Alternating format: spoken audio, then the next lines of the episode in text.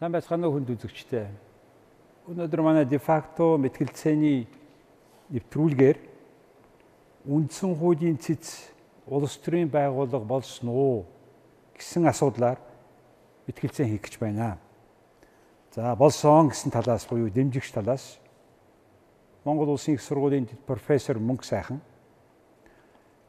болоогүй эсвэл арайч болоогүй гэж иргэн ламжив мэтгэлцэх болно.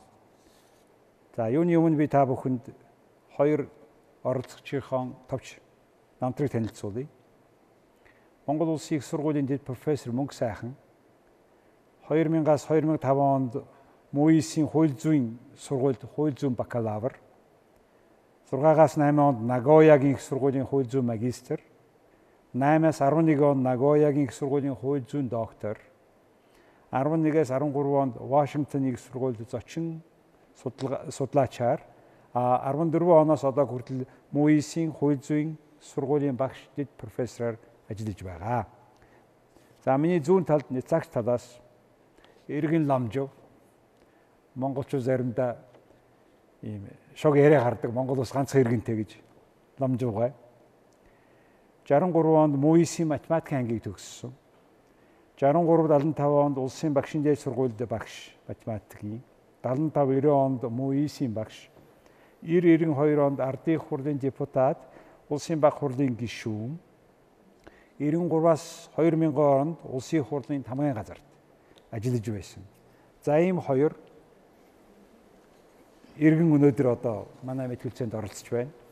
Тэгэхээр өнөөдөр манай мэтгэлцээний гол сэдэв болохоор үнэхээр нийгэм даяар одоо ингээд хуваагдаад байгаа. Зөндөө олон асуулт гараад байгаа энэ үндсэн хуулийн цэс гэдэг байгууллага маань ер нь юу болчиход байгаа юм бэ гэж энийг одоо энэ асуудлыг хагалахаар өнөөдрийн мэтгэлцээнийг хийж байна. Тэгэхээр манай мэтгэлцээний журмынхаа дагуу гэхдээ бид нар ингээд дэмжигч талаас нээлтийн үг хэлнэ. Дараа нь яцаагч тал 3 3 минутын үг байгаа. Та хоёр биенийхэн үг хэлжээ хооронд тэмдэглэж аваад асуулт тавих боломжтой. За ингээд журмынхаа дагуу бид эхлээд Монгол улсын үндсэн хуулийн цэц улс төрийн байгууллага болчихсон гэж миний баруун гар талд байгаа профессор Мөнх сайхан ярина. За. За баярлалаа. Тэгэхээр 1992 оны үндсэн хуулийг баталсан хүмүүс бол 24 40 60 оны социалист үндсэн хуулиудаас ялгаатай нь энэ 92 оны үндсэн хууль нь зүгээр нэг тунхаг төдий зүйл биш ээ. Энэ маань бодиттой хэрэгждэг ийм суур хууль гэсэн агуулгаар энэ үндсэн хуулийг баталсан байдаг. Өөрөөр хэлбэл манай үндсэн хуульд иргэн болгоны одоо чөлөөтэй идэх үндсэн эрх эрх чөлөөг баталгаажуулсан төрийн эрх мэдлийг хуваарлж хяналт тэнцлийг хангасан ардсан дэглэмийг тогтоосон ийм чухал үндсэн хууль байна. Тэгэхээр энэ үндсэн хууль маань бол тунхаг биш байх гол баталгаа нь бол үндсэн хуулийн хяналт юм а гэдэг дээр иргэдэд ойлголцож үндсэн хуулийн цэцгийг үндсэн хуулийн шүүх гэдэг агуулгаар нь анх байгуулсан байдаг. Үндсэн хуулийн үдэл баримтлал бол ерөөсөө тийм. Өөрөөр хэлбэл үндсэн хуулийн цэц хууль бусад шийдвэр үйл ажиллагаа үндсэн хууль зөрчсөн хэсэг маргааныг эцэслэн шийдвэрлэдэг. Аа тэгээд иргэн байгууллага албан тушаалтны хүсэлт өргөдөл мэдээллийн дагуу тухайн талуудаас гаргаж байгаа тайлбар нотлох баримтад тулгуурлаж энийг шийддэг утгаараа уг нь бол үндсэн хуулийн шүүх юм байна. Гэвч харамсалтай сүүлийн 26 жил үндсэн хуулийн цэц маань өөрөө яг үндсэн хуулийн шүүх шиг ажиллахгүй байна а яг ингэж ажиллах эрх зүйн орчныг нь хууль тогтоогч бүрдүүлж өгөхгүй байна. Цэц өөрөө бас ингэж ажиллах хүсэл зориг байхгүй байна гэж харагдаад. Магадгүй зарим хүмүүс одоо цэц бол одоо шүүх гэхээс илүү улс төрийн байгууллага шиг ажиллаж байна гэдэг тэр одоо гурван төрлийн үндслэл байгаа. Нэгдүгээрт бол цэцийн эрх хэмжээ үйл ажиллагаанаас энэ харагдаж байгаа. Ягаад тэгэхээр манай цэц бол ер нь эрх зүй төр төлөвлөсөн улсуудын үндсэн хуулийн шүүхүүд баг байдгүй мэдээллээр маргаан авч шийддэг. Тэгэхээр өөрийнх нь эрх ашиг сонирхол нь хөндөгдсөн хэсгээс үл хамааран альва хүн үндсэн хууль зөрчсөн хэсэг мэдээллийг цэцэд өгдөг. За энэ нь бол өөрөө маш ноцтой юм байдал руу цэцэг аваачсан. Ягаад тэгэхээр нэгдүгээр цэцээ ачааллыг үндсдгүүгээр өсгдөг. А яг энтэй адилхан тогтолцоо Харватад байж байхад бол нэг иргэн 800 мэдээлэл өгсөн гэж. За манай Монголд бол нэг иргэн 60 70-ыг өгсөн. А үндсэн хуульд очиж үндсэн хуулийн цэцэд очиж байгаа нийт иргэний өргөдөл мэдээллийн 35-аас 40% нь 8хан иргэн өгдөг гэж. А нөгөө талаар энэ дуртай иргэн үндсэн хууль зөрчсөн гэдэг одоо хуулийг бусад шийдвэрийг аваач өгдөг энэ тогтолцоон цэцэг ерөөс улс төрийн зорилгод хүрэх арга хэрэгсэл болгож хуурж байгаа. Цэц өөрөөр хэлбэл улс төрийн захиалгаар эсвэл тодорхой хувийн ашиг сонирхлыг хангах үүднээс ашиглагддаг ийм институт болоход энэ хүргээд байгаа. Жишээлх юм бол сонгуулийн холимог тогтолцоо үндсэн хууль зөрчсөн гэж цэц одоо үндсэн хуулийн эрх зүй, сонгуулийн эрх зүй, наад захын мэдлэгтэй ямар ч хүн тайлбарлаж болохгүй тайлбар хийж сонгуулийн холимог тогтолцоо хүчингү болгосон. 12 онд энэ тогтолцоог үндсэн хууль нийцсэн гэдгийг хүлээн зөвшөөрчөөд энээсээ татгалцсан ямар ч хүнс хэлээгүй. Дээрээс нь цэцгийн нэр бүхий гişүүд өөрсдийнхөө сурах бичиг үндсэн хуулийн тайлбартаа огт бичээгүй тэрнийхээ эсрэг юм хийж одоо цэц шийдвэр гаргасан. Энэ мэт маш олон шийдвэрүүдийг би дурдж болно. За мөн цэц бол өөрөө хүний үндсэн эрхийг хамгаалах ёстой байгууллага боловч яг тодорхой иргэний эрх зөрчигдөж байгаа маргаануудыг цэц ерөөсөө өөрсдөө авдаггүй. Уг нь бол иргэний өргөдлөөр маргаан авч шийдвэрлэнэ гэдэг. Гэтэл ирүүдэн шүүгдсэн, хууль бусаар цагдаа оригдсон 5 6 жил гин буруутаан тогтоогдоогүй гэж одоо баримтлагдаж цагдаа оригдож байгаа. Энэ мэд хүмүүс үндсэн эрх маань зөрчигдлөө гэж цэц рүү хандах ёстой байд. Боломжтой байгаа уг нь үндсэн хуулиар. Гэтэл цэц энэ маргааныг авдаггүй Дээрээс нь хамгийн ноцтой цэц маань шийдвэрүүдийнх нь дийлэнх нь ямар ч үндэслэл бичдэггүй. Зүгээр л үндэслэл тогтооглоо тогтоогүй байна гэд бичдэг. Уг нь шүүх гэдгийн гол мөн чанар нь хуулиа хэрэглээд тэр хуулийг энэ нь яаж зөрчсөн, яаж зөрчөөг гэдэг үндслээ хилжээж хууль захирагч байгаа харуулах хэрэгтэй. Гэтэл үндслээ бичихгүй болохоор цэц ямар нэгэн захиалгаар юм уу, дур зоргоор юм уу, юугаар тэрийг шийдэж байгаа юм, тэнгэрлөө харж байгаа шийдэж байгаа юм уу, тэрийг нь бид нар мэдэхгүй байгаа. Тэгэхээр шүүхийг шүүх болгодог гол зүйл нь жаажмент буюу оюун дүгнэлт. Тодорхой үндслүүд тэрнээс гарсан дүгнэлтийг цогцоор нь жаажмент гэж хэлдэг. Цэцгийн ихэнх шийдвэр бол энэ шаардлагыг хангадаггүй байгаа. За дээрэс нь үндсэн хуулийг бол замын хөдөлгөөний дүрм шиг одоо үг үсгэн байна уугүй гэж тайлбарладаг. Түүнээс үндсэн хууль бол уг нь манай чимд багшийн хэлдгээр бол энэ бол үзэл санааны баримт бичиг. Одоо нэг жишээ нь л сонгуулийн тэгш эрхийг үндсэн одоо улсын хурлын сонгуулийн хууль хамгаалаагүй байна гэсэн мэдээллийг одоо ламжууга 93 онд гаргаж ирсэн. Цэц бол манай үнд зүйл тэгш сонгохыг хамгаалаагүй гэж хийсэн. Тэгэхдээ 21-р зүйл тэгш үг гэдэг үг байхгүй байна гэд. Гэтэл иргэний тэгш эрхийг үндсэн хуулийн 3 4 заалтад хамгаалцсан байдаг.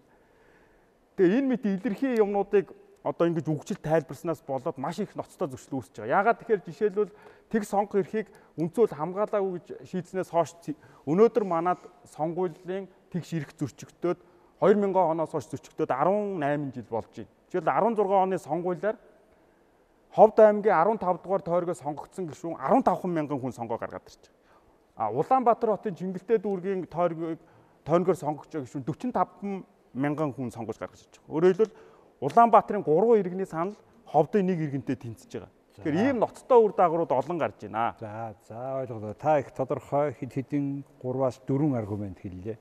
Намзуугай та өөрөө энэ үндсэн хуулийг батлахад маш идэвхтэй оролцсон. Би таныг санаж байна анх.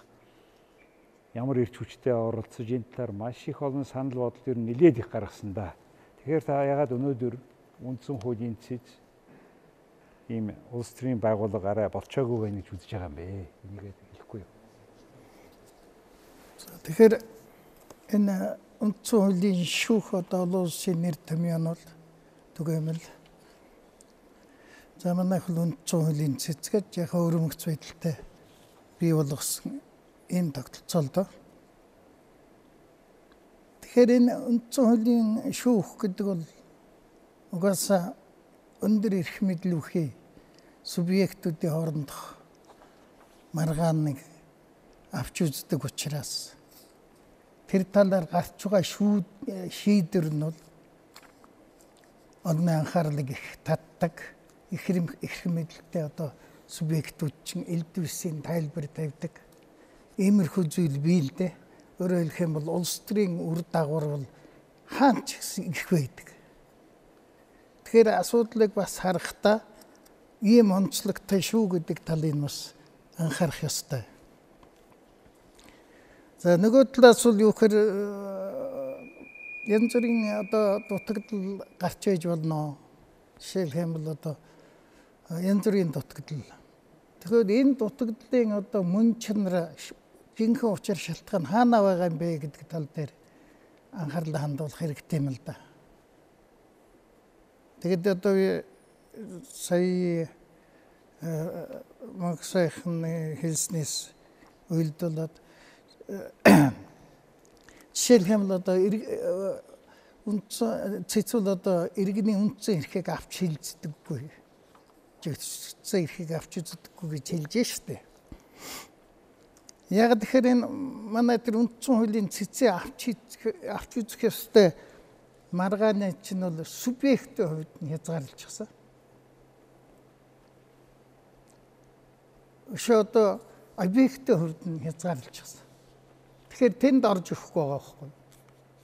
Одоо бол одоо үндсэн хуулийн судалгаа энэ төр дээр одоо үргэлж яригддаг нэг зүйл бол одоо шүүхийн одоо хүчин төгөл дээр шийдвэр гарчлаа. Тэгэхээр энд одоо миний үндсэн эрх зөрчигдлөө гэж үзэх юм бол цэцэд хандах эрхээр хангах ёстой гэсэн юм яри явагдаад байгаа шүү дээ. Тэгээ манайх энд бол үндсэн хуульд байхгүй байгаа байхгүй юу? Тэгэхээр жишээлх юм сая нэг ярьж байгаа зүйлийн нэг шалтгаан нь бол үндсэн хуульд маань байгаа байхгүй. Зөөр нэг жишээлх юм бол одоо юу ярилаа одоо үг өсгөр хөөцөлдөх биш тийм утга агуулгаар одоо гэж хэлэх шиг болоо тийм онлайн баримжийн авч гэдэг юм уу.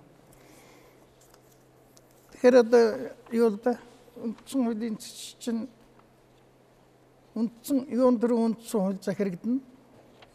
Хоёрдугаарт бол ихээр үндсэн хуульд нийцсэн хуулиудыг бол хэрэгэлдэг. Тэгэхээр манайх ч одоо совдгойн одоо дөнгөж анх үндсэн хууль дагаж мөрж хойд үндсэн хуулийн цэцгийн дээр хөгтөнгөр илвэ гэж нэг хэлснийг одоо нэг мушгиж гуйлах дуртай усууд айгүй дуртай ашиглаад өнөөдөр хүртэл хилээд өгдөг байхгүй. Тэгэхээр бол одоо тэр бол хэтрүүлэг л юм одоо тэгж үзэж байгаа цэц одоо жинхэнэ хариуцлагатай төвшөнд бол тийм тийм хандлага бол байх ёсгүй гэж бодож байна. Тэгээ үхэр одоо хэрэг маргааныг одоо шийдвэрлэдэг цэцэн процессын хууль дотор бол жишээлх юм бол хуулийг үг өсгийг хатуудагах хэрэгтэй гэсэн заалт байдаг байхгүй юу. Тэгэхээр энэ бол өөрөө одоо жишээлх юм бол юунуудыг хатуу маш хатуу мөрдөх ёстой гэсэн ер нь л одоо чөлөө тандлага гаргаж болохгүй гэсэн одоо санаатай заалт байдаг л да. За тэгээд үндэслийн тухай энэ манай бүх шүүхийн зовлон шүү дээ. Маш одоо хүн итгэж хүлээж авах үз сайхан тийм одоо үндэслэл гаргадгүй гэдэг тал дээр зарим тохиолдолд одоо асуудал байдаг. Энэ бол манай бүх шүүхтэл тохиолддог. Хэргийг одоо шийдэж байгаа нь одоо ийм юм учраас гэдэг хүн өөрөө ирэхгүй одоо энэ ч гэсэн хүлээж авах ус тийм сайхан тайлбар хийх асуудал бол дутагдaltaй байдаг баха энэ бол нэлээд нийтлэг явдал. За. За тэгэхээр хоёр тал өөр өөрийнхөө минут багтаад өөрийнхөө яагаад ийм байгаа вэ гэдэг тайлбарыг хийж байна. Тэгэхээр үзэгчид хандаа хэлэхэд бол энэ Twitter-ээр та бүхэн бас асуулт тавьж болно. Жаргал доогуур зураас дефакто гэсэн Twitter дээр асуулт тавих юм бол би нүгээр хянаж байгаа. За ингээ үргэлжлүүлэхэд биш те. Та бол та сая ингээд харлаа те. Субъектийн хувьд, объектийн хувьд үг үсгээр хөөцөлдөг юм аа. А шүүх үндсэн хуулийн цэс бас шүүхийн адилаар яг ийм тодорхой бос ийм байдалд орчдөг юм аа гэж ярьж байгаа. Тэгэхээр та одоо яг саяын зүйлийг нэгдүгээр хэрвээ асуулт байвал асуумаар байна. За яг яг сая ярьсан зүйлээ тодруулах асуулт танд байна уу? Танд байна уу? Та хоёр бэлдэж байна. А за хэрвээ асуулт өшөө бэлэн биш байгаа бол би та бүхэнд яг ийм тодорхой нэг ийм асуулт жишээ тань дээр тавьмаар байна л. Жишээ цэсийн гişүүд хэдэн удаа сонгогдох ёстой юм. Тэгээ тийг сонгогдож байна уугүй юу? гэдгийг тойруулаад жишээ яриа л да. Тэгэхээр асуулт тэгэхээс илүү яг сая нөгөө эсрэг аргумент гарсан учраас тэрэн дээр нь тайлбар хийчээ таны сая асуулт тариулж болох уу? За. Тэгэхээр ламжууга болон манай цэцгийн олонх гişүүд юу гэж үздэг вэхээр яг манай үндсэн хуулиар энэ иргэний үндсэн эрхийн маргааныг авахыг хаацсан тийм боломж байхгүй гэж одоо үздэг цэц бас энэ дээр маргаа үүсгээгөө 2 3 удаа шийдсэн яг ингэж. За гэтэл яг энэ үндсэн хуулийнхаа батлсан түүхийг уншаад үзэхээр тийм биш байгаа юм. Ягаад тэгэхээр нэгдүгээр анх манай үндсэн хуулийн төсөл дээр энэ үндсэн хуулийн цэц үндсэн хуулийн шүүх гэжсэн байгууллага руу иргэн хандах заалт байхгүйсэн юм бэл. Зөвхөн байгууллага хүсэлт гаргадаг. За тэгээд 91 оны 6 сараас эхлээд энэ төслөө хилцүүлсэн. Энэ явцад гадаадын шинжээч зөвлөмж өгсөн. Энэ дотроо Нүби хоёр шинжээч Мартин Шапиро, Херми Шварц гэдэг мундаг профессор судлаачид иргэн энэ шүүх рүү чи эрхэн зөрчигдөхөөр ханддаг юмыг нээж өгөхгүй бол энэ шүүхийг чинь байгуулсны хэрэг байхгүй. Тэр эрхүүчин зүгээр тунхаг цаас болж хувирна гэж. За тэгээд чимэд багш 2 3 газар номон дээр бол саяын Мартин Шапиро зэрэг хүмүүсийн зөвлөмжөөр цэцгийн хэсгийг сайжруулсан гэж бичсэн байд. А тэр яг өөрчлөлт нь харахаар тэр иргэн өргөдөл мэдээлэл гаргадаг тэр заалт орсон гэж би ойлгоод байна. Тэгэхээр Мартин Шапиро бол тэрийг яг зөвлөмж дээр нь үгээр яг Германы constitutional complaint буюу тэр үндсэн хуулийн эрхэн зөрчигдсөн гэдгээр иргэн ханддаг юмыг бодож зөвлөгөө өгсөн. За тэгээд бас зөндөө судлаачдад тухайн үед манад ийм цэцэг институт байгаагүй учраас энийг бүрэн сайн ойлгоогүй учраас одоогийн байдлаар ингээ явцруулаад хуулиа баталсан гэж. Дээрээс нь үндсэн хууль баталсан улсын баг хурл ардын хурлын маш олон төлөөлөгч яг миний эрх зөрчигдөөд ердийн шүүхэд хандаад тэр нь хамгаалагч чадахгүй бол цэц рүү очно гэд зөндөө олон тийм хэлсэн ийм бодолтой хүмүүс зөндөө байсан баг. Одоо Батүл, Захагийн Илбэг дорж, Санжийн юу Баяр гэд гişүүн за тэгээд зориг агсан гэд энэ олон хүмүүс яг тийм жишээнүүд авч ярьдаг байсан бохоггүй. Тэгэхээр дээрэс нь үндсэн хуулийн текстийг харах юм бол энэ манай 66 дугаар зүйл дээр яг өргөдөл мэдээлэлээр маргаан шийднэ гэд зөвхөн нөгөө тэр 64 66-гийн 2 жагсаас нь дөрвөн асуудлаар л дүгнэлт гаргана. А яг иргэний өргөдлөөр бол маргаан шийднэ гэдэг юм текстийн боломж бол байгаад байгаа юм. За тэгээд дээрэс нь одоо энэ Германд яг энэ иргэн эрхэн зөрчилдөөгээд үндсэн хуулийн шүүх рүү ханддаг юм чи анх Германд үгссэн.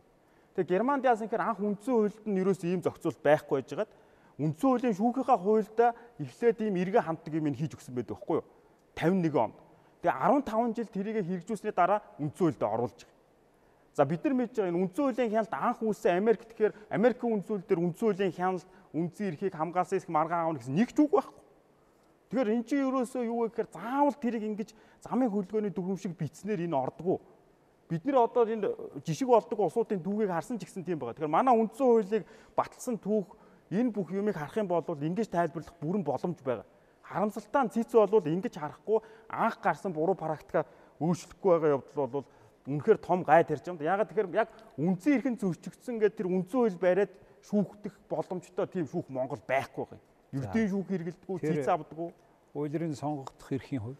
А улирын сонгогдох эрх бол бас маш чухал асуудал. Одоо би яагаад цэц жоохон улс төрийн байгууллага шиг болцсон гэдэг тийм дүгнэлт хүрээд ирэх нэг шалтгаан ерөөсөө энэ.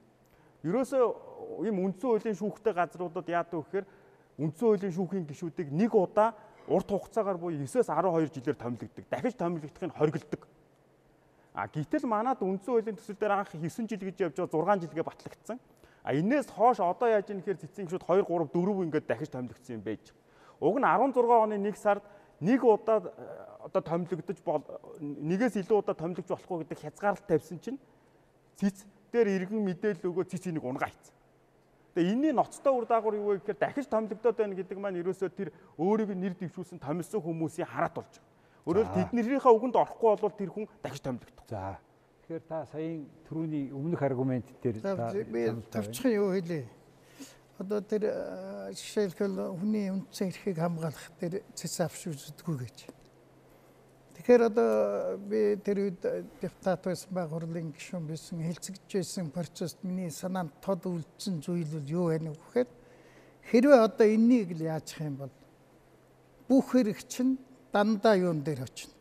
Цэц дээр ирнэ одоо хүмүүс ч одоо доотлын шүүхийн шийдвэр өгдөг энэ миний эрхийг зөрчлөө гэл бүх юм. Тэгэхээр наа цэцчигрээс юу үндсэн хууль хамгаалах одоо үргэлж тэмтэй ноцлцоор байгаа таарна. Хууч манай хашир хуульч тэгж ирж байсан. Тэгээд одоо юу гэхээр нөгөө чинь субъектийн хувьд объектийн хувьд хязгаарлаад одоо үндсэн хуулийн 60 хэд чинь бол одоо мөнгө сайхны хэлж байгаа шиг аргаар хандах тийм болцоогүй гэрэл одоо ганцхан бичсэн байгаа нэг үндсэн текст нь одоо ингээд гаргаж ирээд уншвал хөдөлгөөнг байгаа. Цэс тэгэхээр нэг үндсэн хууль дээр хөгтөн гэрвш үндсэн хууль байгаа учраас хөөрхий цаадуулч яд чадахгүй л байгаа байхгүй. Харин одоо сая нэг цэцгийн одоо 25 жилийн яваад тэр онлын баг хурлаг дээр цэцгийн гишүүн тэр ярьж байна лээ. Одоо тэр эрхийг бол бас цэцэд яах хэрэгтэй юм гэж. Тэгэхээр манай түүх бол хэцүү шүү дээ. Одоо бидний 90 он гэхэд ямар шүүхтэй байсан бэлээ. Манай шүүх гэдгийн чи эрхэнтэй доогуур яамнаас дэш хөдөлдөггүй байсан шүү дээ. Тэрнээс дэш одоо эрхэм мэдэлтэй юунууд бол шүүхийн хяналтын гадна байсан. Тэгээ бидний тэр чирээс шүүхэд итгэхгүй тэр хандлага маш төвөгтэй байсан баг. Итгэхгүй байх тэр хандлага. Тэгээ одоо жишээлх юм бол 9 жилээс нэг 6 болоо гэж аргагүй шүү дээ. Чи 9 жил юу ч болох юм бол юу ч гэсэн энэ шүүхүүд чинь одоо улс төрийн одоо хандлага ба шүү дээ. Тийм зовлон байдаг л байхгүй. Тийм учраас 6 жилээр хийсэн байна. А хэдэн удаа дахиж сонгогдох уу олон дахин сонгогдохгүй байх уу гэхээр бас асуудал бай. Ямар ч байсан тэрнийг задгаа орхисон байна. Түүнээс гадна цэцгийн гişүүн хийх чадвартай хүн гэдэг чинь асуудал байлээ шүү дээ. Одоо ч гэсэн асуудал байгаа гэж би бодож байгаа. Амаргүй. Тийм учраас за өшөө мөнгөний асуудал гарч байгаа. Жишээлх юм бол одоо өөрөө чи хэлж байгаа тэр манай өмцөн үйлдэ гэсэн юун дотор зөвлөмж дотор гэж яддаг вэ? Шүүхийг одоо ингээд өмцөн үйлдийн цэцгийн гişүүдийг богино хугацаагаар ингээд өөрчлөн гэж заачих юм бол нөгөөдөл чинь нөгөө хараат тус байдлыг хангахын тулд ажилласаа гарахаар баталгаа хангана гэхээр чинь нөгөө улсууд чинь маш их одоо мөнгө төлөх асуудал гарна. Маш олон шүүгчд мөнгө төлөх асуудал гарна. Бас ийм зовлон байдгийн шүү. Тийм учраас одоо юу гэх хугацаагүй одоо ажиллаа хийж чадж явах юм бол хугацаагүй ажил болох тэр Америкийн жишг байдаг. Эсвэл нэлээд олон жилээр томилох ч гэдэг юм уу. Тийм хувилбаруудыг зөвлөсөн байдаг л да. Улирын сонгогдохын хувьд та тэгээд юу гэж бодож байна? улиран Улирын сонгогдохын хувьд нэг юу нэ саяхан нэг аа юу 16 он орчин болсон нэг цэцгийг гişүнийг улиран сон сонгохгүй гэж юу? Нэгээс илүү улиран сонгохгүй гэсэн хууль гарсан тий. Тэгээ тэр бол юу дээ. Тэрнийг цэцүүд үгүйсгээгүй. Юуг үгүйсгэсэн гэхээр нэгэн тавигдсан цэцгийн гişүнд бол энэ хэрэглэг буцааж хэрэглэх ёсгүй. Хуулийг одоо нэг субъект нь хохиролтойгоор буцааж хэрэглэхгүй гэдэг нэг зарчим байдаг шүү дээ. тэргээрээ явж байгаа. шинээр сонгогдох гişүний хувьд тийм байж болох юм а гэсэн тэрнийг л хийх шиг болдог гэдэг гэж Тэгвэл Ламзуугай цэцгийн гişүүнийг томилох, чөлөөлөх энэ процесс одоо өнөөдөр тодорхой хүмүүстээр солигдлоо шүү дээ. Энийг та аль зэрэг шудраг явагдаж байна гэж үзэж байна. Жишээлбэл зарим хүмүүс наадах асуудал дээр чинь цэц тандцал да. Тэгэхээр наадах чинь бол аа тэн дээр үнэхээр хууль бус хууль бус юм боллоо гэж би үзсэн. яг ямар асуудал та хандсан гинэ? Яг одоо цэцгийн даргаыг юу лээ цэцгийн даргаыг яасан бэ? Одоо би чинь мартах гэж байна. Амар санаа дараа. Тий амарснаг халах тухай асуудал тавигддаг гэж байна. Тэгэхээр юу хэрэг юу? Нэг цэцэг чинь гурван газраас гур гураар нь одоо санд болгоод нэр дэвшүүлээд тэгээд улсын их хурд дээр одоо томилж байгаа шүү дээ. Тэгэхээр амарснаг шүүмэл жишээлх юм бол дээд шүүхээс одоо э, нэр дэвшиж томилогдсон одоо юм гişүүн байна. Тэгэхээр амарсна гişүнийг одоо татах асуудал тавигдсан шүү дээ. Тэгэхээр тэр одоо э, одоо шалтгааны загаад одоо энэ хүнийг татъя гэдэг саналыг дээд шүүх гаргах ёстой. Гэтэл дээд шүүхийн дарга нь ганцаараа бичиг хийгээд тэгээ бус олон хөгтийн явдлын яриад явах. Ганцаараа бичиг хийгээд тэгээд хурлд барээд ороод ирсэн шүү дээ. Тэгээд халдсан шүү. Аа. Тэгээд халсан шүү дээ. Тэгээд тэгээд одоо их хурлчин салд ороод халсан шүү. яг харин бол процесс. харин тий эн чинь харин тэг орчид энэ байгаа харуулж байгаа юм одоо шүү. юу гэхээр нэг дээд шүүхийн ерөнхий шүүгчл одоо юугаа урвуулан ашигласан. Ирэх мэдлээ. Яг тэгээ дээд шүүхийн тим ш- цэцгийг томилж байгаа шийдвэр бол ганц та даргын юу биш. Үндсэн хууль одоо өмнө дагаж ирсэн бүх юугаараа Тэгтэн дээдсийнхээ одоо нэг хурлаар л асуудлаа шийдээд тэр асуудал оруулаад ирсэн бол асуудал ямар ч юу байх. Гэхдээ харин тэгэл улс төрчид байгаа юм биш үү? Наадах чинь тэгэхээр улс төржилт нь хаанаас хаанаас эхэлж байгаа нөхөр их хурл дээрээс эхэлж байгаа дээ. Их хурл тэгээд их хурл бол одоо мэдээж улс төрчдийн байгууллага тэд нэр том алдаа гаргаж магадгүй маш мэрэгжлийн бус асуудал гардаг тэнд. А тэр мэрэгжлийн бус асуудал гарч байхад нь шүүх бол хуулийн дагуу ажиллах ёстой байгууллага шүү дээ. За за тэгэхээр ингийн. Сая бид нар яг улс төрж гэнэ үгүй юу гэдгийг тодорхой хүн томилолт ямар маяга процедураар явсан бэ гэдгийг манайхан өөрсдөө харж байгаа. Тэгээ би дараагийн асуу. Энэ цэц сонгуулийн тухай хуулиас пропорционал системийг хасах шийдвэр гинт гаргасан. Энэ шийдвэр ч одоо үндсэн хуулийн дагуу болсон уу, үгүй юу? Энэ талаар таны бодол. Энэ бол ерөөсөө үндсэн хуулийг одоо үнэхээр гуйлж тайлбарлсан. За зарим цуу яриагаар бол ардсан нам ардын нам хоёрын дарга бол цэцрүү ярьж байгаад ингэ шийдүүлсэн гэдэг. Аа за тэгэхээр энийг бол бид нар нотолж чадахгүй. Гэхдээ бол илэрхий үндсэн хуулийг гүтгэж одоо холимог сонгуулийн тогтолцоо буюу одоо 3-ны 2-ыг нь мажоритараар 3-ны 1-ийг пропорционалаар сонгодог энэ тогтолцоо нь одоо үндсэн хуулийн хид хідэн зал тэр дотор шууд сонгох эрхийг зөрчсөн гэдэг. За тэгээ шууд сонгох эрхийг зөрчсөн шууд сонгох гэдэг чинь бүр нүүбийн төвшөнд ардчсан усад тогтсон ойлголттой. Өөрөлдвөл юу гэхээр Америкийн ерөнхийлөгчийг шууд бусаар сонгодог. Яг гэхээр хүмүүс тэр сонгуулийн коллегийн гишүүдийг сонгоно. Тэдний ерөнхийлөгчөө сонгож байгаа байхгүй тий. А манад тим бол байхгүй. Өөрөөр хэлбэл пропорционал сонгуулийн тогтолцоо бол шууд сонгоогүй. Энэ бол шууд бус сонгоогүй. Шууд сонгож байгаа. Ягаад тэгэхээр тэнцээ тухайн үеийн сонгуулийн хуулиар бүх нэр дэвшигчдийн тэр 28-ын жагсаалт гарчдаг. А тэр жагсаалтыг харж байгаад сонгож байгаа байхгүй. А дараа нь тэр жагсаалтаас хүн орон гарах юм бол арийнх нь хүн ордог. Өөр нам дураараа дундуур нь орж сонгох. Яг энэ асуудлыг та юу гэж бодож байна? Германы үндсэн хуулийн шүүхийн дээр бас яг шууд сонгох зөрчөөг гэсэн юм шиг байна. Яг энэ пропорционал систем дээр үндсэн хуучин суурин дээр хоёр гэсэн шүү дээ. Энэ дээр бид нар жирийн төөрөгдсөн хүмүүсийн яриагаар яриад хэрэггүй. Яг тэгэхээр жишээлх юм нэг пропорционалаар сонгочхоор одоо шууд сонгосонгүйгээ ярьдаг хүмүүс зөндөө хуулийг буруу ярьдаг улс дээр бид нар яриад яах. А хуулийн дагуу ярихаар тэр утгаар нь ярих юм бол одоо жишээлбэл би цэцүүл арай пропорционалаар сонгохоор шууд их болдгийн гэсэн яриа арайч гаргаагүй байх л гэж бодож байна. Гаргасан шийдвэр дээр нь байгаа шүү дээ. Та уншаад үзвэл шууд сонгох эрхийг зөвцөн гэж. Арайч үгүй болов. Одоо чи Европ төр жигтэл одоо маш олоор шууд пропорционалаар сонгож 100% энэ төр.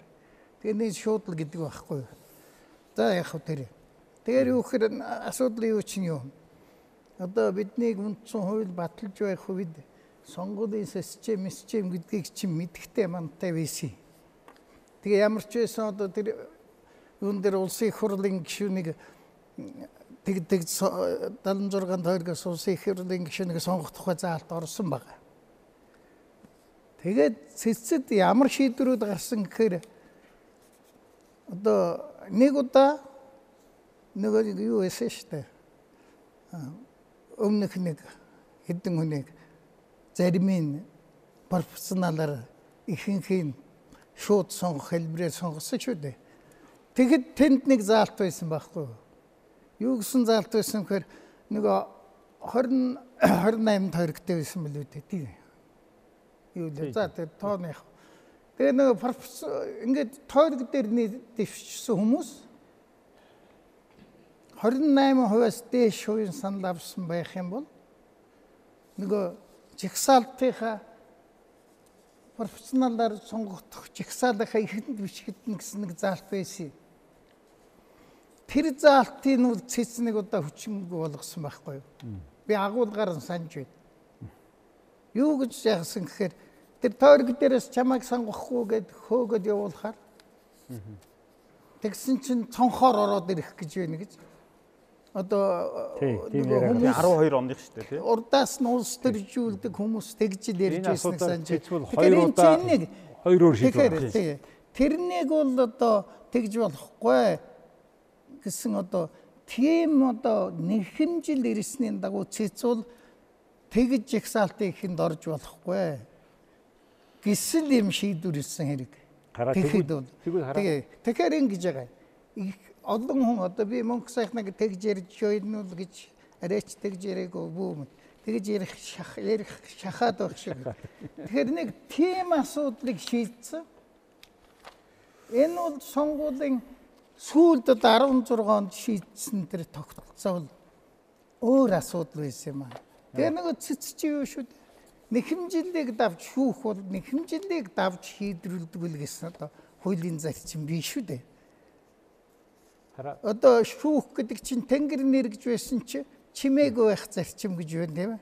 Эднэр одоо энэнийг л одоо уг нь ийм байгаа шүү дээ. Эдэн тэрнийг хэлэхээ мэдэхгүй ингээл байх ингээд Тий тэгэхээр уучлаарай энэ дээ. дээр нөгөө тэгээ би 12 дуусгая. оных дээр бол яг санал нэг байна. Яа сайн асуулт.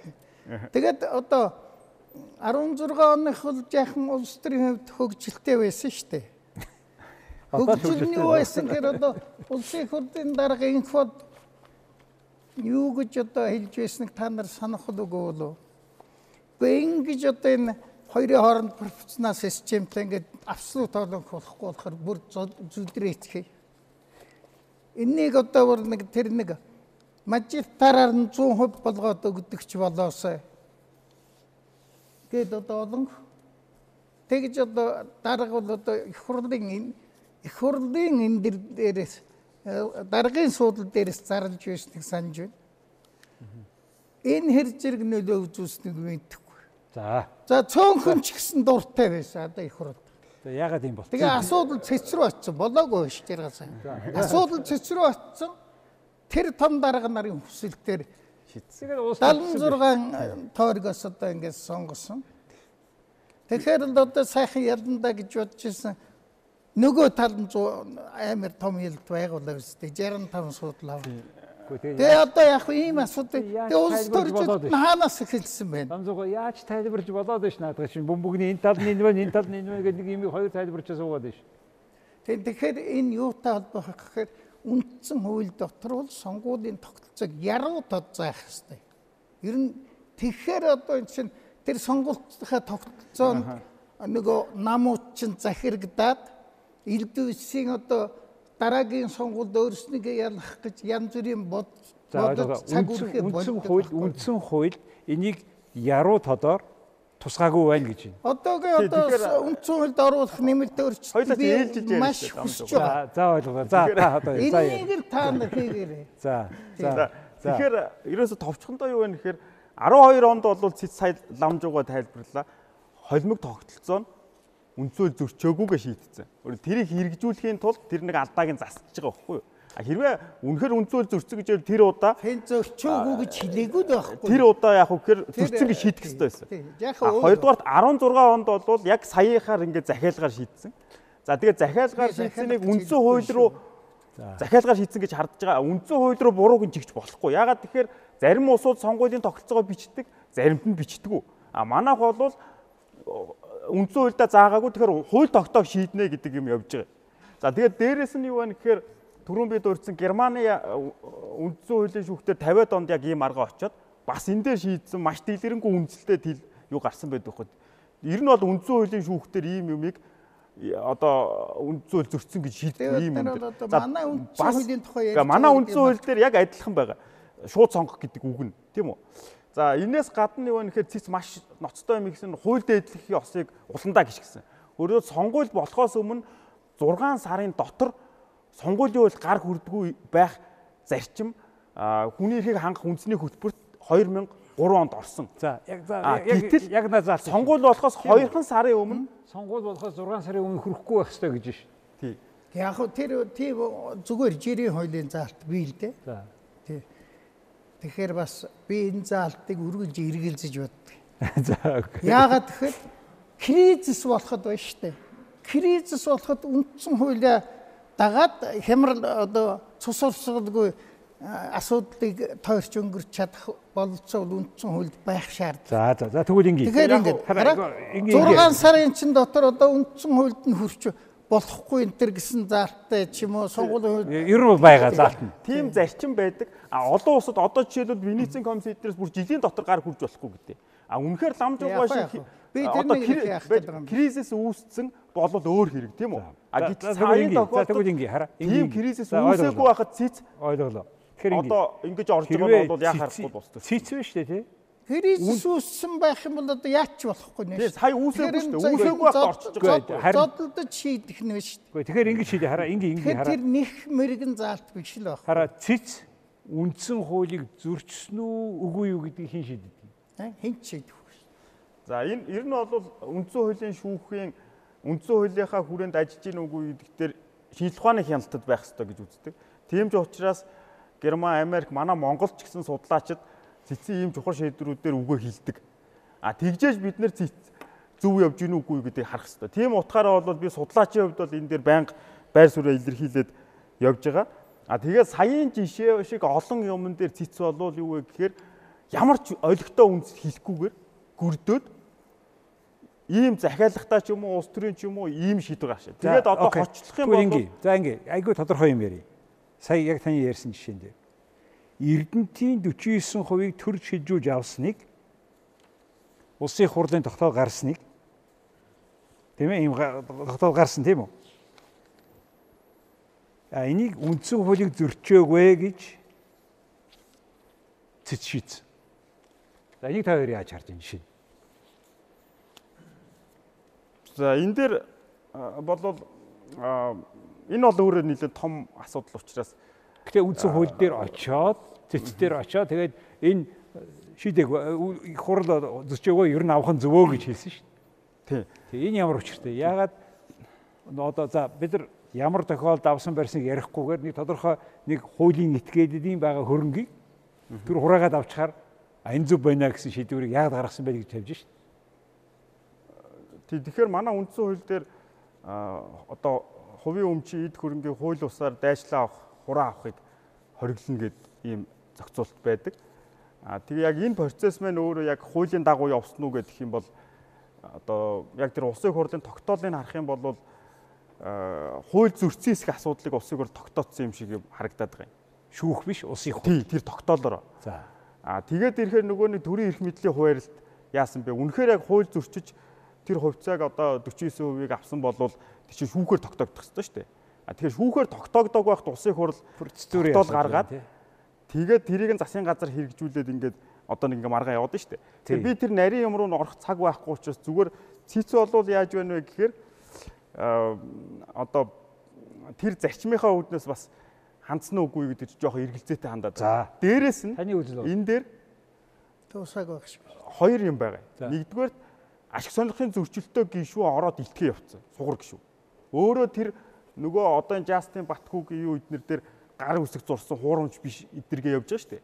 Тэгэхээр энэ тохиолдолд ердийн шүүхтэр яадаг гэхээр тухайн маргааныг шударгаа шийдвэрлэхэд хараа тус хөндлөнгөө шийдэхэд үнслэг бүхий эргэлзээгээр татгалцдаг байхгүй юу? Гэтэл цэцдэр бүр нөгөө тэр ашиг сонирхлын зөрчилтөө гişүү нь өөрөө илтгэе явчихж байгаа.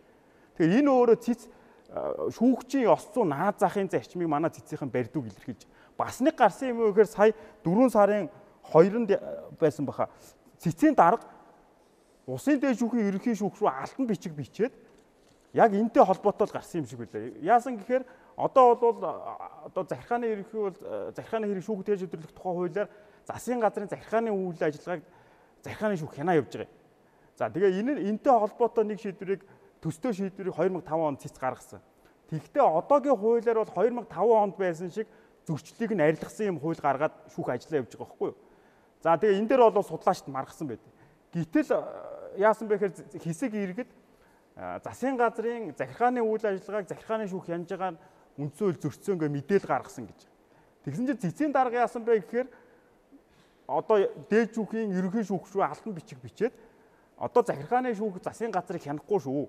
Цэц ингэж шийдсэн шүү гэж явчихж байгаа байхгүй юу? За. Энэ юу гэж юм нэхэр цэцийн а, одоо хүчингү олгосон хуулийг улсын хурл сэргээсэн асуудлыг хуулиараа цэцэн их судал шийдэх ёстой. Тэрнээс өмнө тийм шийдвэр гараагүй байхад цэцгийн дарга өөрөө урьдчилаад наан чи үндсэн хууль зөрчсөн юмыг хууль хуулийг одоо үндсэн хууль зөрчсөн байдлаар шүүх хэрэглээд байна энийг зас гэдэг өөрөө урьдсан дүгнэлт хийгээд явчихж байгаа байхгүй. Өөрөөр хэлбэл эрүүгийн хэргийн шүүх одоо хөвлөөр явж байгаа гимт хэргийн асуудал дээр наан чи гимт хэрэг бай шүү гэ урьдчилаа хэлсэн шиг юм болчихоо. Тэгэхээр энэ мэт олон юмн дээр манай цэцгийн гişүүд ерөөсөө шүүгчиг ажилддаг байхгүй юу? За ойлголоо. За та энийг юу гэж харж байна? Гэхдээ одоо тэр юу л эрдэнтийн юу гэдэг. 49%-ийг Би одоо энэ зөвж 90 иргэдээс ялгаатай илүү мэдээлэл над байхгүй. Би зүгээр мэдээллээс албан ёсны мэдээллээс сонссноор л хэлье. Тэгээд тэр 49%-ийг бол юу гэхээр одоо улсын тийм ээ төрийн улсын мэдлэг гэсэн үг л дээ тийм нийтийн өмчийн хэлбэрээр одоо шилжүүлж авсан зөвөө. Гэхдээ 49%-ийг авахын тулд Орос төлсөн тэр төлбөрийг бол одоо улс хийх ёстой гэсэн. Тэгээд энэний үндэслэлээ бол хэлэхдээ юу гэж хэлж байгаа шүү дээ. Одоо нөгөө Эрдэнтийн хоёр улсын хоорондох гэрээ ясаар ямар нэгэн энэ дээр хувиа худалдах хэрэг болох юм бол хамгийн түрүүн нөгөө улстай мэдэгдэх ёстой. мэдэгдсэн гэдэг байгаа шүү. Тэр улсд мэдэгдэхээс өмнө 8-ны асуудал явагдсан байсан гэж байна. Энэ бол юу гэхээр нэлээд тийм Хууль бус гэж. шудраг усаар хандсан байна гэдгийг гэж байгаа юм шиг байна. Тий. Тэгээ шүү юу байгаа гэхээр мэдээж хэрэг тэр нөгөө манай одоо энэ манай ах ч одоо нэг талаар бодоход хоёр том мөрний донд аюулгүй байдал баг амар байх юм. Өөрснө гайгүй шиг. Өөрснө гайгүй шиг. Чимээгүй багтлаа юу. А ер нь одоо ингээд бизнесийн юм тэр эн чинь аа улс төрийн засаглал нь төдийлөн сайнгүй учраас нөгөө авилгалд авилгал бол одоо манай ихнийг ерөөсө хордуулад энэ авилгалын нөлөө нь бол маш их байхгүй. Тийм учраас энд ямар асуудал яригддаг юм бэ гэхээр тэр худалдаж авсан мөнгө мөнгийг биш шударгаар олсно. Өөрөөр хэлбэл 49%-ыг шударга хуулийн дагуу шударгаас олж авсан өмч мөн үгүй юу гэдгийг дээр асуудал яригдаад байгаа юм билээ. Би энэ одоо аль нэг тал руу хазаахгүй. За ойлголоо. Тэгэхээр энэ энэ асуудал дахиад цаашаа орохгүй та хоёр үзэл бодлоо хэллээ. Дараагийн өөр нэг асуудал яг энийг хуваагдсан. Тэгээд би үзэгчдэд санал асуулт тавих боломж өгнө. Энэ дээр нэг юм юм байна. Саяхан улсын хурлын гишүүн ган тулга гэдэг хүнтэй холбоотой асуудлыг хуулийн мухардалд орчлоо гэдэг нөгөө хууль зүйн сайд байна хэлсэн. Тэгээ үндсэн хуулинд энэ асуудлыг тодорхой зааж өгсөн үү? Их хурлын гишүүнийг яа татах юм, яа хужиртай юм? Энэ тухай таны үзэл бодол, таны үзэл бодол ихтэй та хэлж. Тэгэхээр одоо энэ дээр бол хууль мухардалд орно гэж бол байхгүй л дээ. Тэр хуулийг тайлбарлаж байгаа арга тэр хандлага л одоо санаатай ч юм уу санамсаргүй ч юм уу мухардалд орно гэж байдаг. Аа яг уу уул нь улсын хурлын тухай хууль дээр бол аа, тэр улсын хурлын гишүүнийг баг шалгаж бүрийн эрхийг нь төдөлзүүлж хариуцлага тооцох боломжгүй шахуу тийм заалт байсан нь бол цэц дээр очоод тэр нь хүчингү болцсон. Аа тэгээд тэр үндэслэл нь үндэслэл хэсэг нь алга болчлоо гэд аа одоо тэрийг бодвол мухардалд орчлоо гэд тийм тайлбар хийлээд байгаа. А яг үндсэн хуулиа харах юм бол одоо энийг бол улсын хурл өөрөө үндсэн хуулиа бариад хилцээд явах тийм заалт нь бол уг нь байгаад байгаа юм. Тэгээд тэрийгэ бариад шийдчих ийм бүрэн боломжтой байгаа. Тэгвэл яг одоо энэ процесс яаж явж гин гэдэг нарийн сүүлийн үеийн мэдээлэл нь бол алга байна. А, Таны хувьд их юм? л, би нэгдүгээр тэр э, гишүүний одоо э, хэрэг хийсэн эсхийг талаар мэдх юм алга. Одоо нийгмийн сүлжээгээр цацагдаад одоо шуугж байгаа юм чи би итгэдэггүй. Э- Итгэдэггүй яг эргэлздэг гэж хэлвэл илүү зүгээр байна. Тэгээ юу гэхээр яах вэ? Нэг гишүүнээ бол э, одоо улсын хурлд олон хүчин гишүүн хамгаалах хэрэгтэй. Улс төр чинь тийм л юм. Бид нар одоо улс төр одоо юунаас бол нэг шудраг юм харах хэрэггүй шүү. Тэнд бол тийм байдаг. Улаанцагаа хамгаална. Буруу юм гисэн хамгаална. Би саяхыг буруу гэж хэлж байгаа юм биш. Ер нь бол бид нар бол тэрнийг мэддэг байх хэрэгтэй. Шудрагаас гэдэг чинь зүгээр л ингээ хөлөөр хөглөрч байдаг зүйл биш шүү дээ. Энэ бол бараг идеалны мөрөөдлийн шухуу зүйл байхгүй. Тэгэхээр алхам тутамдаа шудрагасыг хэрдэх бол э, одоо нэхэх тийм ээ. Энэ бол өөрөө нэлийн тийм гинэн хандлага. Би тэгтээ шудраг явдал дургүй хүн биш. Тэгтээ энэ хэцүү зүйл байдаг. гэж хэлмээр. За. За та бүхэндээ асуулт тавих боломж юу гэж байна? За нэмэгтэй зүүн гартлаас за. За сайн байна уу? Нотлогчлаас асуух гэсэн. Тэгэхээр үндсэн хуулийн цэц буюу одоо үндсэн хуульд гол хяналт тавих хэрэггүй субъект нь субъектээс гарч буй шийдвэр болох тогтоол дүгнэлт нь эцсийн байх ёстой тийм үү? Тэрний шийдвэр үйлчлээд хуулийн хүрээнд үйлчлэх ёстой. А гэтэл сая иргэний хуулинд за 100 талын 2 дахь ипотектэй холбоотой зүйл заалт байгаа. Тэгэхээр тэр зүйл заалтыг иргэний мэдээллийн дагуу тухайн зүйл заалтыг цэцээс хүчингү болгосон. А гэтэл улсын хурлаас хууль тогтоох эрх мэдлийнхаа хүрээнд хууль тогтоох замаар тухайн шийдвэрийг цэц хүчингү болгосон ч гэсэн өөр зүйл залтаар үгийн агуулгыг жоохон өөрчлөөд утгын агуулгыг жоохон өөрчлөөд өөр ингээд зүйл зал болохоор оруулаад ирсэн. Цэцээс гаргаж байгаа шийдвэр нь тэрэндээ тухайн үедээ зүйл залтын хүрээнд үйлчилж байгаа хэдий ч өөр зүйл залтаар тэр нь дахиад ирэх зөрчөө дахиад үйлчлээд. Тэгэхээр та энэ тал дээр ямар байр суурьтай таны бодол яг юу гэж бодож байна? Тийм тэгэхээр ер нь бол цэцийн цэц бол бурхан биш. Цэцээс алдаа гаргадаг. Тэгэхээр сая одоо ярьсан шиг сонгуулийн тогтолцоо шиг ч юм уу тиймэрхүү зүйл дээр бас үндсэн хуулийг одоо алдаатай тайлбарсан байх боломжтой. Аа тэгэхээр тэр юу вэ гэхээр бас зөв тайлбарсан байх боломжтой тийм үү. Тэгэхээр тухайн асуу ер нь үндсэн хуулийг юу гэж тайлбарлах юм бэ гэдэг энэ тайлбар маань эцсийн дүндээ юун дээр тогтдог гэхээр ер нь бол цэц тухайн тохиолдолд яаж тайлбарлах вэ гэдэг эцсийн тайлбарыг гаргана. А гэхдээ энэ маань улсын хурл тухайн асуудлаар ахаад хууль батлахыг хаадгүй, хааж болохгүй. А улсын хурл хууль санаачлаад ахаад төстэй харилцааг зохицуулсан болвол тэр асуудал нь үнэхээр ахаад үндсэн хуулийн цэцийн өмнө нь одоо хүчингү болгосон хуулийг сэргээцэх юм бол ахаад иргэд хандах юм боломжтой.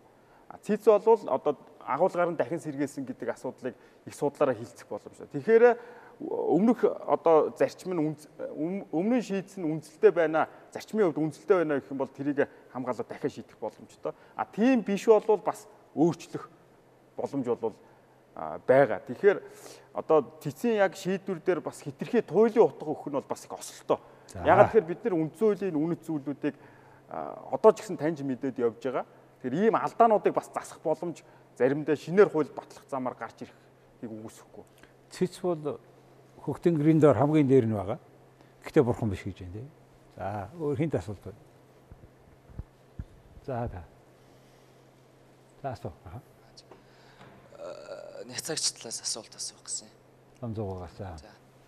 Энэ э, өнөөдөр ингээд үндсэн хуулийн үндсэн хуулийн чиглэлээр мэрэгчсэн профессортай математикийн багш итгэлцээд байна л. Яг энэ шиг томилгоо үндсэн хуулийн цэцгийн гишүүн төр байгаад байна.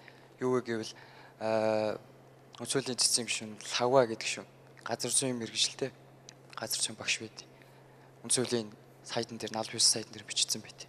А энэ хүн бол Монгол Ардын Хүсэлт намын гишүүн байсан нарийн бичгийн дараа бас ийм хүн байт. Гэтэл иймэрхүү үндсэн хуулийн том асуудал төр ажиллаад одоо бараг 10 жил болж байгаа.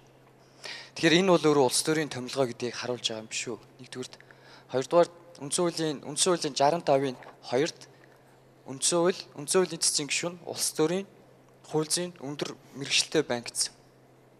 Улс төрийн гэж бичсэн байдаг. Энэ нь бас давхар улс төрч нарыг одоо тэнд оруулдаг тийм боломж нь боломж нь олгоцсон юм биш үү? Энгийн жишээ хэлээд Германы үндсэн хуулийн дээр хууль зүйн мэрэгчлээ 15 жил ажилласан байх. Буруу санаагүй тийм байт. Оросын жишээн дээр бас хууль зүйн өндөр мэрэгчлээ дээр нь ариун нэр төртөө 15 жил ажилласан хүн байх хэрэгтэй гэж бичсэн байт. Та энэ дэр ямар ямар бодолтой байна? Үндсэн хуулийн цэцгийн гишүүн заавал хөлж байх хэрэгтэй юу? Үгүй юу? Тийм. Тэгэхээр юу л да энэ цэцэг чинь шүүх дотор нь шууд байлгахгүйгүй юу гэдэг дээр улсын баграл дээр том маргаан болж ийсэн. Тэгээд би нэг шүүх дотор нь байлгах дээр одоо их зогсож Тэгээд арга ядаад нэг баталчих гээд болдгоо. Тэгээд нөгөө эрчийг хөрүүлэхгүй бид нэг санд өгөхөд ингээд санд өгөхгүй хажууд гараа сууч би санд өгөхгүй гээд яхаар болдог байсан байхгүй юу. Тэгээд нөгөө хүн дутчаа эрчин дутчаа санд ороод тэгээ батлагдахгүй байгаад байсан. Тэгээд яг үе зүгээр сонирхолж хийлээ. Манай баг хурлын дараа гончог дөрж дуудаад намайг ингэж хэлсэн. За ламж багшаа энэ шүүгч нь үндсэн хуулийн шүүхийн эрхийг сугандаа авчаар дийлдэхээ болчихноо. одоо энэ дээр бодж үзээч. Би тиймэрхүү байдлаар тэгэл нятсан. Тэгээд юу гэхээр биш хүн байж болох юм. Үгүй би тогтолцоо хэлж байна. Тэгээд цэцэг цэц чинь бол шүүхээ гадна талд маягтай болчихгүй юу? Тэгэхээр энэ бол ямар нэг хэмжээгээр э, одоо хуульч биш тийм ээ. Хүмүүс хуульч биш одоо жинхэнэ мэрэгжлийн одоо чанагдсан хуульч биш хүмүүс. Хуульч байхаас гадна цэцэн гисүү чинь сайн чанагдсан бүрэн болсон хүн байх хэрэгтэй байхгүй юу? Тийм хүмүүсээр одоо бүрдүүлж явах хэвээр газар л да. Тэгэхээр тэр талаасаа бол олон тохиолдол биш үү дээ зүгээр Тэгээ тийм байна уу юу? зөнд одоо барин 50 зөндөл улсууд одоо хуульч биш тийм ээ. Тийм олон гişүү одоо цэцэг цэцэг дамжиж өнгөрсөн шүү дээ. Тэгээ энд бас манайд нэг шүүхийн ман нөхцөл байдал угаасаа тэр үед ингээд доод төвшөнд байсан энэ энэ төргээ зовлон их байна шүү дээ. Одоо ямар төвшөнд байна? Одоо гоо одоо тэгээд тэр байдал тэр ажиглагдж л байгаа шүү дээ. Тэ. Тэгээ яг ирээдүйд ингээд засарсаар засарсаар гайгүй байх юм байгаа. Тэгэхээр ийм асуулт тавьмаар байна. За за за. Манай 92 оны үндсэн хууль бол яг Хэн тавьж байгаа асуулт? А хоёр талд нь тавьчих. За хоёуланд за. Тий. Суур алдаа нь бол энэ эрх мэдлийн хуулийг гурван үндсэн эрх мэдлийг нэг өнжилд оруулсан. Ийм үндсэн хуулийг харж байгаа судлаач хувь. А одоо өнөөдөр яригдж байгаа сэдв бол яг энэ нэг тодорхой жишээ. Яагаад тэгэхээр үндсэн хуулийн цэцүүл шүүхийн байгууллага гэж яриад байгаа. А шүүх эрх мэдлийг үндсэн хуулийн сая нэгийг хэлчлээ 65-ын 1 2 дээр бол өөрөө энэ үндсэн хуулийн чинь цэцгийг улс төрийн байгууллага болох заалт нь үндсэн хууль дотор өөр дээр нь байж байгаа. 65-ын 1-2. Яагаад гэвэл үндсэн хууль бол 3 эрх мэдэл хяналт тавьж явах хэрэгтэй. Үндсэн хуулийг зөрчиж гэнэ юу гэж гэдэг. А тэгтэл тэр 3 эрх мэдээс 3 3 хүнийг одоо засгийн газар биш ерөнхийлөгч 3, их хурл 3, дээж үг 3. Яа. Хяналт тавьж явах ёстой 3 субъект нь өөрсдөө хүн томилдог. Өөрсдөө хүнээ тишүүлдэг. А энэ бол нөгөө хуурилтын алдаанд оруулж байгаа. Тий. Тэгэхээр асуулт 65 2 нь бол сая хэлчихлээ. Шалгуур тавих хэрэгтэй үзүүлийн цэцэн гişүнд. Улс төрөөс ангид байх шалгуур тавих хэрэгтэй. Манад улс төрч дооруулаад байгаа юм уруул гэж. А энэ тал дээр хэвж байгаа байр суурийг сонссон. Улс төрөөс ангид байж чадж гэнэ үхээ чадахгүй байна гэж энэ тал чадж гэнэ гэж байна.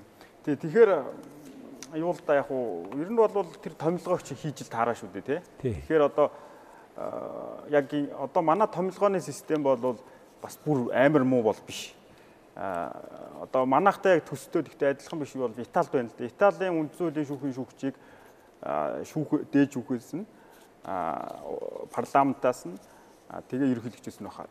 Бас гурван өөр субъектээс шууд томилчдөг байхгүй юу? А Германд бол юу гэхээр дан парламентын томилно. Тэгвэл дийлэнх олох буюу 3-ны 2-оор томилж байгаа. Тэгэхээр манайх бол гурван өөр субъектээс нэр дэвшүүлж байгаа нь бас нэг субъект бүгднгийн нэр дэвшүүлээд тэрнээс хамааралтай болгочихгүй тул гурван өөр субъектээс нэр дэвшүүлээд тэгээд ард түмнээс сонгогдсон парламент гэдэг утгаараа одоо легитим шинжийг нь чинь нөгөө ард үндсэн хуулийн нэр барьж парламентын батсан хуулийг хүчингү болгох эрх мэдэл хэрэгжүүлэх учраас нэр дэвшүүлчихэд парламент батж байгаа шүү дээ. А энийг сайжруулах шаардлага бол байгаа. Одоо жишээлбэл маш хаалттай гинтгэн нэр гарч ирээл томилогчдөг. А тэгээ энэ дотор сая яригдаад байгаа тэр мэрэгжлийн биш хүмүүс томилогдоод байгаа бол үнэхээр асуудалтай. Ягаад цэцэн шийдвэр бас үнэлтэд сайн гарч чадахгүй ус төрчөөд байна гэхээр мэрэгжлийн ч мэрэгжлийн шиг ер нь улс төрөөр явж ирсэн хүмүүс ихийг нь аваач гэж хэлдэг. За. Тэгээ энэ хуулийн нарийн маргааныг мэрэгжлийн хүн биш хүн шийдээд ирэхэд тэр сайн үндэслэл мүндэслэл гарна гэдэг бол бид нар найдвар тавих боломжгүй болчихж байгаа юм. За. За таныг тэр гурван гурван талаас нь гурван гурван хүн гарах. Чинь юу лээ. Хөтэ юу л да? Хамгийн гол нь хяналт тавих ёстой гурван субъект нь өөрсдөө хүмүүсэд авчиж байгаа байхгүй юу? Аа тэгээ зовлонтой л одоо хүний өөрөөсөө сонгоч чинь гэдэг чинь бороо. Тэгэл одоо бас нэг хэтрүүлэн үнэлж болохгүй дээ. Энэ бол магадгүй дутагдал байгаа. Гэхдээ энээс болоод болчлоо бүр болохгүй юм төрнөгөл бас би бас юу бол энэ дутагдал байгаа.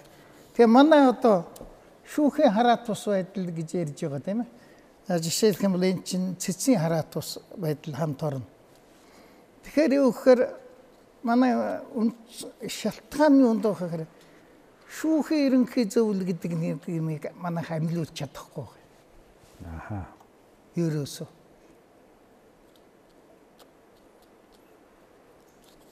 Шүүхийн ерөнхий зөвлөл бол авторитетны.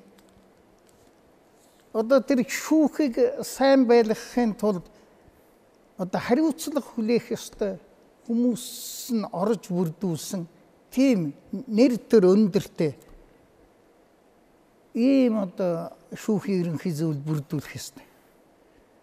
Гэтэл одоо шүүхийн ерөнхий зөвлөлийг яаж байгуулах тухай асуудлыг парламентд өгцөө. өгцөө ирэх юм.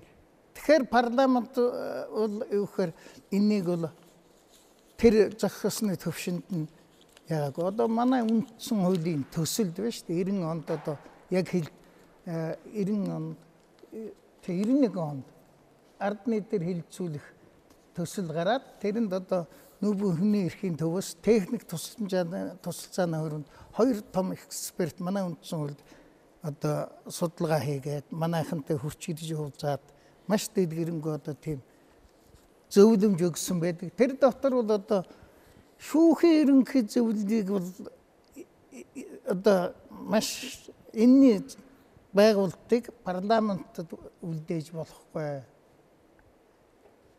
Тэгээд одоо биднийг саналаа хэл гэсэн учраас бид нар өөрснөөхөө хувилбарыг хэлье гэдэг. Тэгээд шүүх сайн байхын тулд тэр шүүхээ авч явж байгаа чухал албан тушаалтнууд нь тэнд нь орох ёстой гэж бичиж байгаа жишээлбэл. Жишээлх юм бол шүүхийн 10 орчим 10 хэдэн хүний юутай? Шүүхийн ерөнхий зөвлөлийн дарга нь хэн байх юм? Цэцгийн дарга нь. Цэцгийн дарга нь тэрний одоо шүүхийн ерөнхий зөвлөлийн даргыг дээд шүүхийн ерөнхий шүүгч нь ор ерөнхий прокурор нь ор. За тийм зөвлөгөө ерөнхийлөгчийн ерөнхийлөгчийн хуулийн зөвлөх нь орог.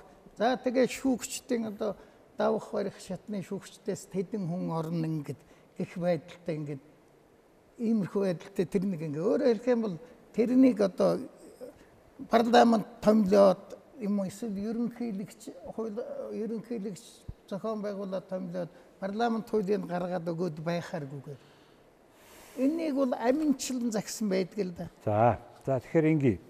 Өөрөөр хэлэх юм бол шүүхийгээ сайн байлгах хариуцлага хүлээсэн хүмүүсийн эрх мэдэл тэрнийг яах юу гэнэ өгөөгүй байхгүй. Одоо энэ бол бас л үндсэн хуулийн асуудал.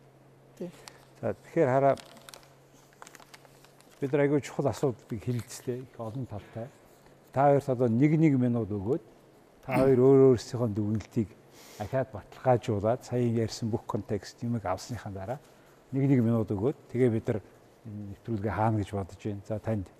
Тэгэхээр яг цэцгийг хараат ус хариуцлагатай болгохыг манай одоогийн үндсэн хуулийн хүрээнд уг нь хийх бүрэн боломж бол байгаад байгаа. Өөрчлөхгүйгээр өөрчлөхгүйгээр. За. Аа тэгвэл тэрийг одоо хүлээж авахгүй байгаа тохиол магадгүй өөрчлөлт рүү явах байх л та. Уг нь бол жишээлх юм бол тэр хараат ус байдлыг яаж хангах вэ гэхээр маш олон улсууд яаж юм хэрэг нэг удаа урт хугацаагаар томилждаг. А нэгд манай үндсөөл 6 жил гисэн учраас тэр 16 онд хүчингүү болсон хувилбар уг нь дээр байсан. Өөрөөр хэлбэл нэг удаа 6 жилээр томилдог, ахаад нэг удаа томилдог. Тэрнээс хоош бити томилдог. 6 6. Тий. Тэгэхээр энэ маань юу гэсэн үгээр ерөөсөө яг үгээр манай хүний нөөц баг учраас 6 жилээр томилогдоод дахиж томилогдохгүй ч хүн олдохгүй тийм үү?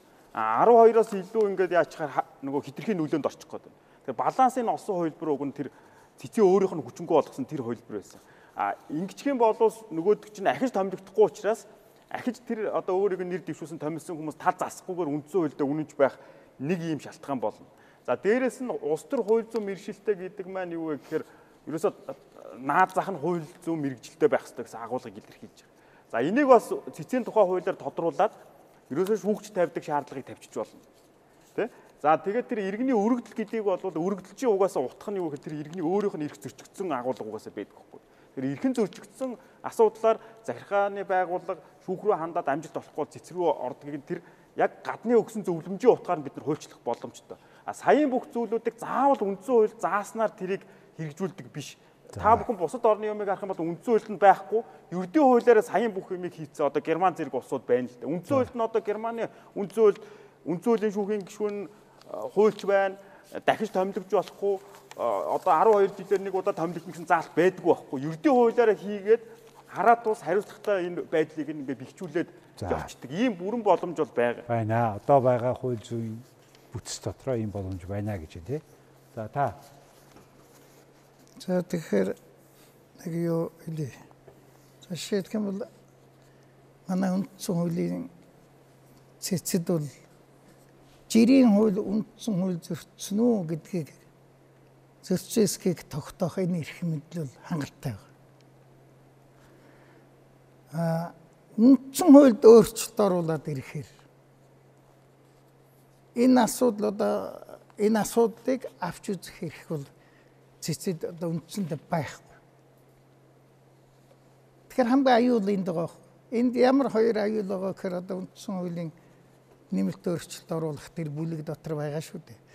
Юу гэхээр үндсэн хуульд нэмэлт өөрчлөлт оруулах эрхийг улсын их хурлд өгсөн. Энэ бол манай үндсэн хуульд байгаа маш том алдаа. Гэхдээ ард нийтийн санд асуудгаар батлахыг үгүйсхийг байгаа л да. Тэгээ үхээр тэгэхээр энэ улс төрчд бол одоо үндсэн хуулийг өөрчлөх болцоо байгаад байна шүү дээ. Энэ нь том аяа. Тэгэх гээд байна шүү дээ. Тий. Одоо бол юу гэхээр одоо үргэлж хэлж байгаа л да. Ард нийтийн саналыг асуулгаар батлна гэж. Гэхдээ бол үндсэн хууль барин 50 бичигсэн ирэх бол байгаа. Тий. Нэгдүгээр тийм. Шөө юу гэхээр одоо хуулийн цэцгийн гишүүд ярьсныг би сонссон. Бид нар муу үндсэн хуулийг ч гэсэн хамгаалах үүрэгтэй гэж. Одоо тэр үндсэн хууль дээр юу гэж бичсэн байна? Тэрийг л хамгаалах. Тэрнийг хамгаална. Хэрвээ тэгэхгүй бол одоо тэнд ийм байдаг учраас бид ингэх ёстой гэдэг юм бол тэр чинь өөрснөө хууль зохиодог хүмүүс болж хувирах гэдэг. Тэгээ одоо үндсэн хууль чинь сайн байна уу муу байна уу? Ер нь Асуудал маш их байгаа шүү дээ. За. Одоо ерөөсөө асуудал өнөөдрийн одоо ярьсан бүх зүйл бол үндсэн хууль дээр байгаа дутагдaltaй холбогдож байна. Тийм учраас Тэгэхээр одоо энэ дутагддыг бол тухайн үеийн хүмүүс нь засч чаддаг байх хэрэгтэй. За. За та хоёр өөрийнхөө үзэл бодлыг илэрхийллээ. Тэгэхээр их үзэгчтэй бид нар ардчилсан нийгмийг барьж байгаа. Ардчилсан нийгэм бол юуны өмнө хуулийн засаглал. Хуулиас дээгүүр хинч байх ёсгүй. Тэрийг бид ойлгоод хэрэгжүүлэхэд ихээхэн хичээж байна. А энийг яг хэрэгжүүлэхэд тэр үндсэн хуулийн цэцгэдэг хамгийн тэр нэг өдөх тэнгэрийн орой дээр тэнгэрт ойрхон байгаа тэр байгууллага ямар их үүрэг ролтой болохыг өнөөдөр бид ярилцлаа. А тэгээ бас ямар их асуудал байгааг бас ярьлаа. Тэгээ мэдээж шийдэх газар нь энэ биш. Ямар үзэл бодол байгааг хоёр талаас сонслоо. Ямар ч гэсэн бид нар үндсэн хуулийнхаа цэцгийг жигдрүүлээд үнэхээр бидний хамгийн дээд шудраг шүүх байхад ямар их ажил хийх ёстой хэнийг томилох ёстой шүүгч байх ёстой юм уугүй юм уу? Энэ асуудал асуудлуудыг хөндөж ярьлаа. Энэ бол өнөөдрийн манай мэтгэлцэн бол энийг зөвхөн нээж байгаа мэтгэлцэн юм а тийм учраас та бүхнийг манай нэвтрүүлгийн анхааралтай үзсэн талархаж байна. Оролцсон бүх хүмүүс талархаж байна. Ялангуяа хоёр талаас одоо ницааж дэмжиж энэ цаг заваа зарцуулж энэ олон судалсан материал юмаа ирж хуваалцсан манай хоёр мэтгэл зэгчлийг талархаж байна. Их баярлалаа. Дараа уулзтлаа. Баяртай.